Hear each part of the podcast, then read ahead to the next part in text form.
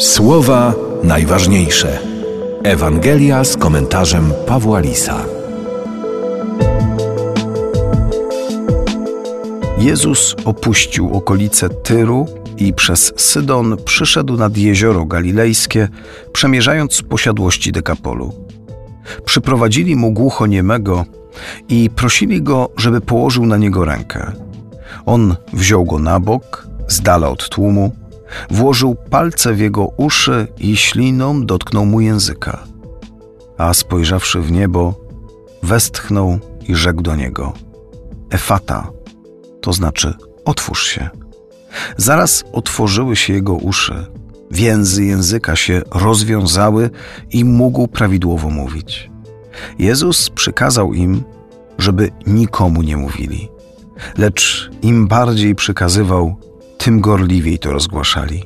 I przepełnieni zdumieniem mówili: Dobrze wszystko uczynił. Nawet głuchym słuch przywraca i niemym mowę. Kiedy zauważymy coś zdumiewającego lub usłyszymy o jakiejś sensacji, często rzucamy wszystko i biegniemy z rumieńcami na twarzy do znajomych, aby ich o tym poinformować.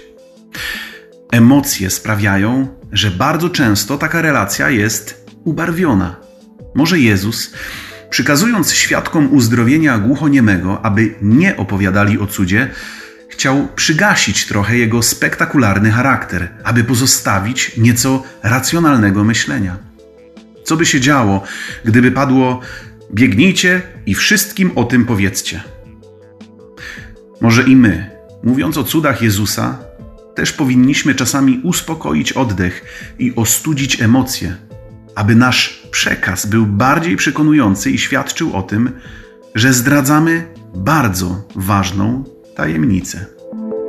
Słowa najważniejsze. Słuchaj w Radiu M codziennie o 5.50, 6.50, 12.10 i 23.10. Oglądaj na stronie radiom.pl.